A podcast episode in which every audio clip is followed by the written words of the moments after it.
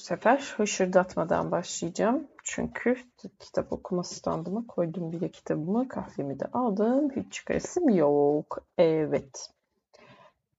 Masallarla yola çıka devam ediyorum. Düşlerin Kervanı sıradaki masal. Çöl bölümünün 24. masal. Çöl bölümünün 4. Bütün hepsinin 24. masalık masal olduğunu tekrar hatırlıyorum e demeden konuşmayı bence yavaş yavaş öğreneceğim ve becereceğim. evet, düşlerin kervanı. Saraylar da var, ağaç evlerde. Ama günün sonunda bu dünyada tek ihtiyacımız dört duvar ve bir çatı. İçinde aşk varsa evimiz saraydır. Ama aşkın şerbeti turşu suyuna dönmüşse o zaman o ev bir zindan olur. Ne güzel anlatmış. Burayı tekrar okuyacağım. Saraylar da var, ağaç evlerde. Ama günün sonunda bu dünyada tek ihtiyacımız dört duvar ve bir çatı. İçinde aşk varsa evimiz saraydır. Ama aşkın şerbeti turşu suyuna dönmüşse o zaman o ev bir zindan olur. Bizim Hasan'a da evi çok dar geliyordu. Bir saray istediğinden değil. Hayır, Altın kalpli Hasan hayatı boyunca kendisi için hiçbir şey istememişti. Ama artık karısıyla aynı odada duramıyorlardı. Hasan'ın kusuru mu? Cebi delikti. Bir kuruşu varsa ve yanındakinin yoksa hemen verirdi Hasan. İlk zamanlar evlenmeden önce karısı bunu görüp onu cömert bulmuştu. Ama şimdi eve girmesi gereken her kuruşun bir dilencinin cebine girdiğini gördükçe onu aptal buluyordu. Hasan değişmedikçe yaptığı her şey karısının gözüne batmaya başlamıştı. Bu saatte mi geliyorsun? Neredeydin? Geç kaldın, yemek soğudu. Ne yedin mi? Neyse yardım et bari. Ne? Kaşık hazinesine, haznesine çatal mı koydun? Boş ver, yardım etme, en iyisi otur. Aman Allah'ım otur dedik de yeni ütülediklerimin üstüne otur demedik. Kör müsün? İşte Hasan yumurtalar üzerinde yürür gibi kendi evinde bir şey kırıp dökmeden yaşamaya çalışıyordu. Ama bir gün bunların hepsi fazla geldi Hasan'a. O gün kapıyı açtı ve yürümeye başladı. Yürüdü, yürüdü, yürüdü. Bir baktı şehirden çıkmıştı. Yürüdü, yürüdü, yürüdü. Bir baktı etrafta hiçbir şey kalmamıştı. İçinde incir ağacı bitmiş eski harap bir evin yanına geldi. O an nefes almaya başladı. Bir duvara dayanıp derin bir oh çekti. Oh Birden karşısında bir cin belirdi. Efendim beni mi çağırdınız? Ben mi? Seni mi? Yok ben hiç kimseyi çağırmadım. Valla sen kimsin ki? Benim adım Oh ve bu duvar benim evim. Şimdi evimin kapısına vurup beni çağıran sen değil miydin? Eh tamam o zaman bendim ama o zaman dile benden ne dilersen.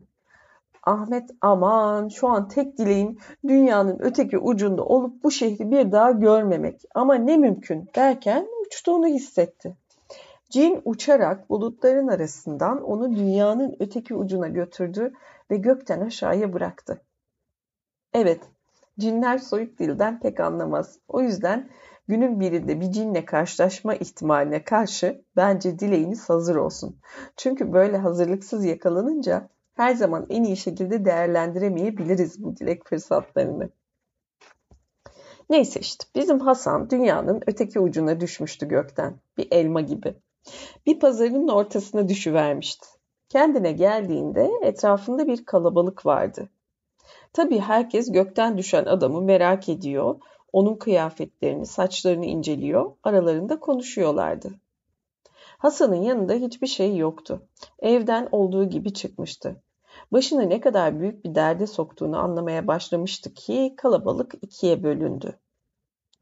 İpek çorapları, işlemeli ceketiyle pek şık bir yaver kalabalığın ortasından çıkarak karşısına dikilip "Beni takip edin. Efendim sizinle tanışmak istiyor." dedi ve Hasan'ın cevabını beklemeden dönerek yürümeye başladı. Hasan ayağa fırlayıp onun peşine takıldı. Az sonra taş ve ahşaptan yapılmış dev bir hanın önüne gelmişlerdi. Yaver içeri girdi. Hasan onu takip etti. İçeride oturdular. Hemen Hasan'ın önüne bir tepsi yemek getirildi. Safranlı pilav üstü üzümlü kuzu. Hasan acıkmıştı. Hemen yemeye başladı. Sonra evin sahibi geldi. Hoş geldin yolcu. Benim adım Gökten. Duydum ki sen gökten düşmüşsün. Açıklama yapmana lüzum yok. İzin ver tahmin edeyim. Şehrine yakın dökük bir evin duvarına dayanıp bir oh çektin ve karşına bir cin çıktı değil mi? Hasan kulaklarına inanamadı. Aynen öyle nasıl tahmin ettiniz? Çünkü arkadaşım ben de bundan 20 sene evvel aynı şeyi yaşadım. Senin gibi bu şehrin pazarında buldular beni de. Ve o anda ne diyeceğimi bilemeyip bütün dünyayı gezen zengin bir tüccar olduğumu söyledim. Yolda olmaktan yorulduğumu ve gelmek üzere olan mallarımı beklemek için uçarak bu şehre geldiğimi söyledim. Böylece bu şehirdeki zengin tüccarlardan borç alabildim. Bu parayla bir hayli mal alıp sattım. Kazandığım parayla borçlarımı ödeyip cebimde kalanla da ticaret yapmaya devam ettim. Ve işte gördüğün gibi çok zengin oldum. Şimdi sana yardım etmek isterim. Yarın seni şehirdeki bütün zengin tüccarlarla tanıştırırım. Üstüne giyecek güzel giysiler veririm. Sen de benim daha önce yaptığım gibi gelmek üzere olan bir kervanın olduğunu söyleyip onlardan borç alırsın ve o parayla mal alıp satarak hem borçlarını geri öder hem de kendine rahat bir hayat kurabilirsin. Bu çok güzel bir fikir. Yalnız tek bir sorunumuz var. Neymiş? Ben yalan söyleyemiyorum. Ama ne var bunda? Bu kadar küçük bir yalanı da söylersin artık. Yok, gerçekten. Hayatımda hiç yalan söylemedim ve söylemeyi de hiç bilmiyorum. Bak, yalan söylemek kolaydır. Püf noktasını öğreteyim sana. Önce o yalana sen inanacaksın. Eğer inanıyorsan o zaman yalan olmaktan çıkar ve sen de rahatlıkla söylersin. Yani yarına kadar kendini şu anda çölde bu şehre doğru ilerleyen bir kervan sahibi olduğuna inandırman lazım. Gerisi kolay. O akşam ve bütün gece Hasan tekrarladı. Benim bir kervanım var. Benim bir kervanım var. Yüz tane sütten daha beyaz deveden oluşan bir kervanım var benim. Kervanımda çil çil altınlar, değerli taşlar, ipekler ve dünyanın öteki ucundan gelen rengarenk kuşlar var. Yok yoktur benim kervanımda. Yok yoktur benim kervanımda. Benim kervanımda yok yok. Hasan sabaha kadar bunları tekrarladı. Sabah olup da odadan çıkınca duruşu bile değişmişti. Bir eli yeleğinin cebinde gezen mütevazi esnaf Hasan gitmiş, yerine dünyaları gezmiş, ipek kaftanlı kendine güvenen tüccar Hasan gelmişti. Tüccarla beraber kahveye gittiler ve Hasan anlatmaya başladı. Kervanında bulunan hazineleri duyunca herkesin gözleri fal taşı gibi oldu. Ve tabii ki ona biraz borç altın verildi. O esnada kahveye bir dilenci girdi. Tüccarlardan para istiyordu. Kimi verecek param yok dedi, kiminde ancak bir kuruş vardı. Ama dilenci Hasan'a sorduğunda Hasan hiç tereddüt etmeden ona bir tam altın verdi. Bütün tüccarların gözleri daha fazla açılmıştı. Dilenci teşekkür etti ve hemen gidip arkadaşlarına kahvede bir prens olduğunu haber verdi. Çok geçmeden başka dilenciler de gelmeye başladılar. Hasan da her birine birer altın dağıttı. Bunu gören tüccarlar çok etkilendiler. Bu adam gerçekten çok zengin olmalı. Ancak çok zengin olan biri bu kadar rahat para dağıtır. Tabi onun için bir altın nedir ki? Kervanında bin kasadan da fazla çil çil altın olduğunu söylememiş miydi? Zengin bir adama borç vermek iyidir deyip hepsi Hasan'a verdikleri borcu on kat arttırdılar. Hasan teşekkür ederek kendine bir ev bir de aşçı tuttu. O günden başlayarak şehirde aç olanlar hatta yemek yapmak istemeyenler bile Hasan'ın sofrasında her zaman yer olduğunu bildiler. Yolcular, hastalar, öğrenciler, yaşlılar kim olursa olsun Hasan'ın kapısına geldiklerinde yardım alabiliyordu. Ona borç verenler sürdürdüğü prens hayatını görünce daha fazla vermeye başladılar. Hasan da ne alırsa dağıtıyordu. Tabi bütün bunlar Göktan'ın kulağına gidince Gökten kalkıp Hasan'ı ziyarete geldi. Hasan kardeş, ne yapıyorsun? Delirdin mi sen? Unuttun mu? Aldığın borçlarla mal alıp satman gerekiyordu. Ancak öyle borçlarını ödeyebilir ve para kazanırsın. Aman kardeş merak etme sen. Kervanım gelince bunların hepsi tabii ki geri ödenecek. Hasan senin kervanın yok. Bu sadece bir hayal, bir düş. Olmaz olur mu? Tabii ki benim kervanım var. Sütten daha beyaz yüz devenin üstünde geliyor. Üstünde benim altınlarım, ipeklerim, kuşlarım da şu an çölde. Hepsi gelmek üzere sen merak etme. Bunu duyan Göktan Hasan'ın iyice delirdiğine kanaat getirerek en azından kendi ismini korumak için şikayet etmek üzere Hasan'ı padişahın huzuruna çıkardı. Bu adam herkesten borç alıp duruyor. Kervanı gelince geri ödeyeceğini söylüyor. Ama ben bir dolandırıcı olduğunu düşünüyorum. Kervanının olduğuna inanmıyorum. Tabii ki bu fikrin kendisinden çıktığından hiç bahsetmedi. Padişah onu dinledikten sonra Hasan'a döndü. Peki sen ne diyorsun? Hasan son derece şaşkın ama sakin bir ifadeyle hafifçe gülümseyerek cevap verdi. Elbette kervanım var. Birkaç aya gelir. Aklımı mı kaçırdım ben? Kervanım olmasa bu borçlarımı nasıl geri öderim? Ayrıca tek amacım insanları kandırıp onların altınlarını çalmak olsa neden şehirde durayım? Neden burada arkadaş edinip ihtiyacı olanların karnını doyurayım? Hayatım boyunca zengin oldum ben ama zenginliği hiçbir zaman kendim için, için istemedim. Hep insanlarla paylaştım. Böyle bir dolandırıcı duydunuz mu siz hiç? Cömertliğiyle nam salan Hasan'ın şöhretini işitmiş olan padişah bu sözlerle tamamen ikna oldu. Hatta Hasan'a bakınca bu genç adamın ne kadar iyi kalpli olduğunu görüp kızına iyi bir koca olabileceğini düşündü. Kendi kendine bu adam beni mutlu edecek kadar zengin, kızımı mutlu edecek kadar da cömert diyerek evlilik konusunu vezirine danıştı. Hasan'a hemen evlilik teklifini götürmeye karar verdiler. Lakin bunu duyan Hasan onların teklifini kesinlikle reddetti. Hayır efendim uygun olmaz. Güzel mi güzel, akıllı mı akıllı kızınızla evleneceksem bunu ancak kervanım geldikten sonra yapabilirim. Çünkü ancak o zaman onun hak ettiği kadar güzel bir düğün yapmak için param olur. Padişahın son şüpheleri de o anda silindi. Madem kızımı onurlandırmak için büyük bir düğün istiyorsun, al o zaman. Bu da ülkemizin hazinesinin anahtarı. İçinden ihtiyacın olduğu kadar altın alabilirsin. Kervanın gelince zaten onları geri koyacağını biliyorum. Hasan misliyle efendim hiç şüpheniz olmasın diyerek teklifi kabul etti ve bir sonraki gün padişahın kızıyla tanışmaya geldi. Kız görür görmez Hasan'a aşık olmuştu. Düğün yedi gün yedi gece sürdü. Bütün ülke davet edildi. Herkes yediği, içtiği, oynadı. Bütün ülkedeki müzisyenler çağrıldı. Gece gündüz şarkılar, müzikler, masallar hiç durmadı. Sonra Hasan karısıyla birlikte sarayda yaşamaya başladı. Cömert Hasan'ın verme alışkanlığı sarayda yaşarken ona katlandı. Hasan durmak bilmiyor, hazine gün be gün azalıyordu. Padişah yeni damadını çok seviyor ama yine de biraz endişeleniyordu. Bir gün endişelerini kızıyla paylaştı. Kızım kocanın cömertliği ülkemizin sonunu getirebilir.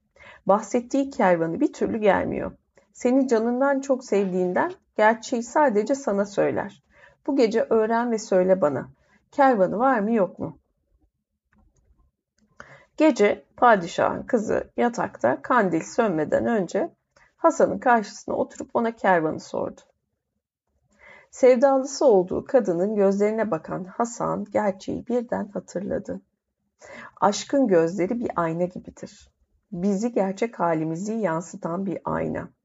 İşte o zaman Hasan kim olduğunu ve nereden geldiğini hatırladı ve ağlayarak karısına her şeyi itiraf etti. Karısı hiç tereddüt etmeden Hasan'a ne kadar mücevherin varsa hepsini al ve bu gece sarayca, saraydan gizlice çık dedi. Yolcu kılığında şehirden uzaklaş ve bize küçük bahçeli bir ev bul. Hazır olunca bana haber gönder. Nerede olursan ol, gelirim yanına.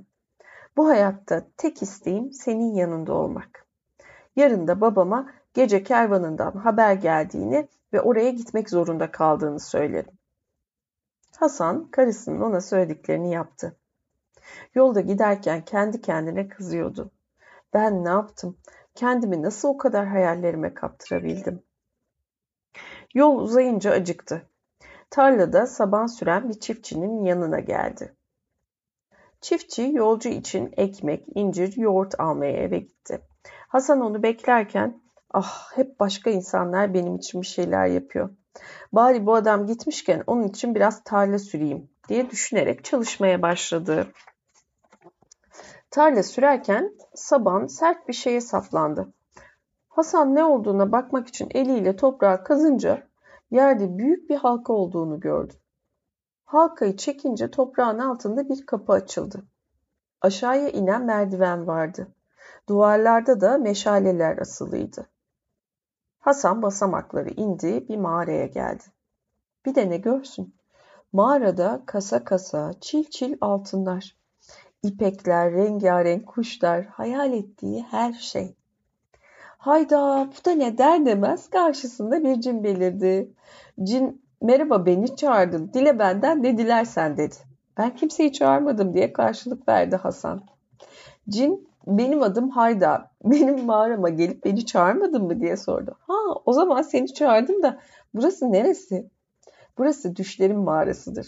Düşlerin mağarası mı? Evet. Burada hayal edilen her şey bulunur. Hasan, peki madem ne dilediğimi soruyorsun, o zaman buradaki her şeyi sütten daha beyaz yüz devenin üstüne koymak mümkün mü der demez kendini dışarıda bir kervanın başında buldu. Kervanda kasa kasa çil çil altınlar vardı. Kuşlar vardı rengarenk. İpekli kumaşlar, gümüş işlemeli halılar. Hayal ettiği her şey eksiksiz oradaydı. O sırada çiftçi bir elinde ekmek, öbür elinde yoğurt ve incirle geri geldi. Ne oldu burada? Hasan al kardeş deyip ona bir kasa altın verdi ve şehre doğru yola koyuldu. Şehre yaklaştığında davullar çalmaya başladı.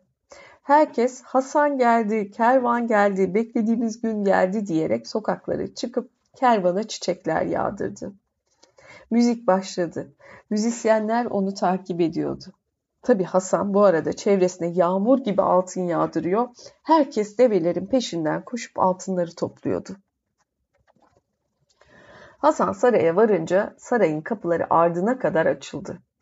Aylar boyu sevgili kocasını göremeyeceğini düşünen karısı pencereden bakıp onu kervanın başında görünce ağlamaya başladı. Tüm bu olanlar bir sınav mıydı yoksa diye düşündü. Ağlayarak aşağıya koştu. Tabi ondan sonra bir düğün daha yaptılar. Bu seferki 40 gün 40 gece sürdü. Değil bütün ülkeyi, bütün dünyayı çağırdılar. Müzikler, danslar hiç durmadan devam etti.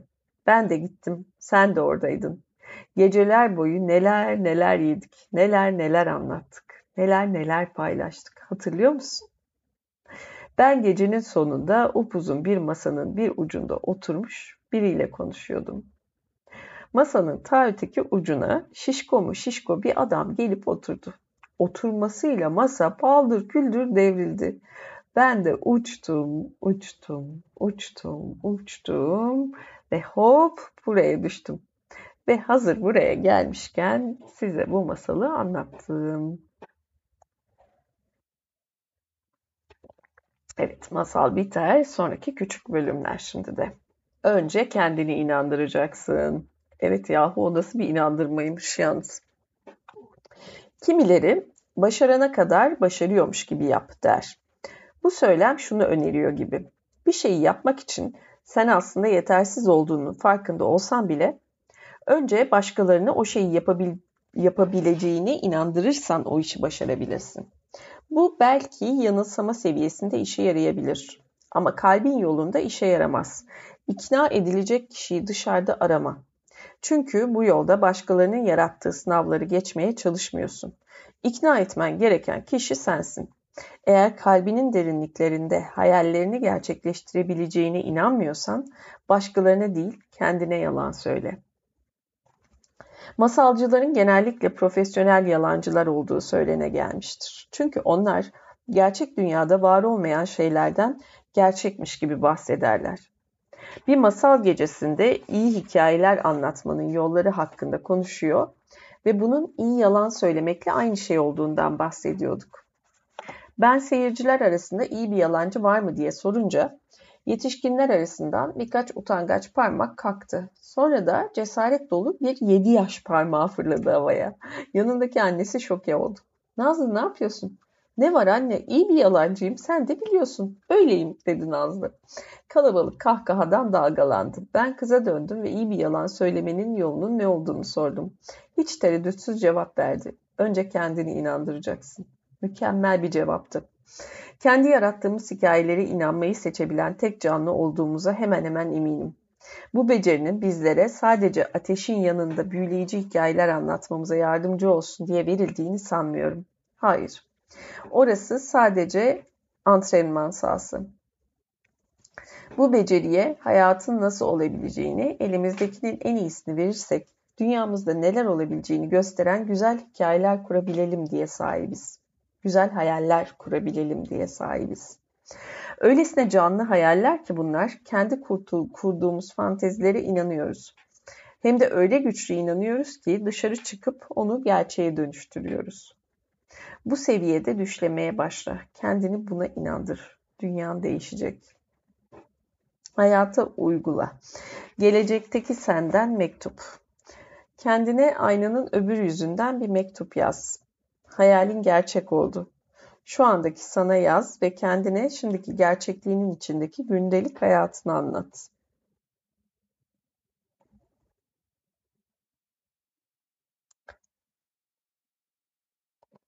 Oynama zamanı, düş panosu, kes yapıştır zamanı. Kendine bir panoyla bir yığın eski dergi bul ve kesip yapıştırmaya başla. Düş panonu yaparken zihnindeki 5 yıllık planı, yapılacaklar listeni veya kafanda dönüp duran projeleri bir kenara bırak. Şimdi mantıklı planlama değil, gönülden düş kurma zamanı.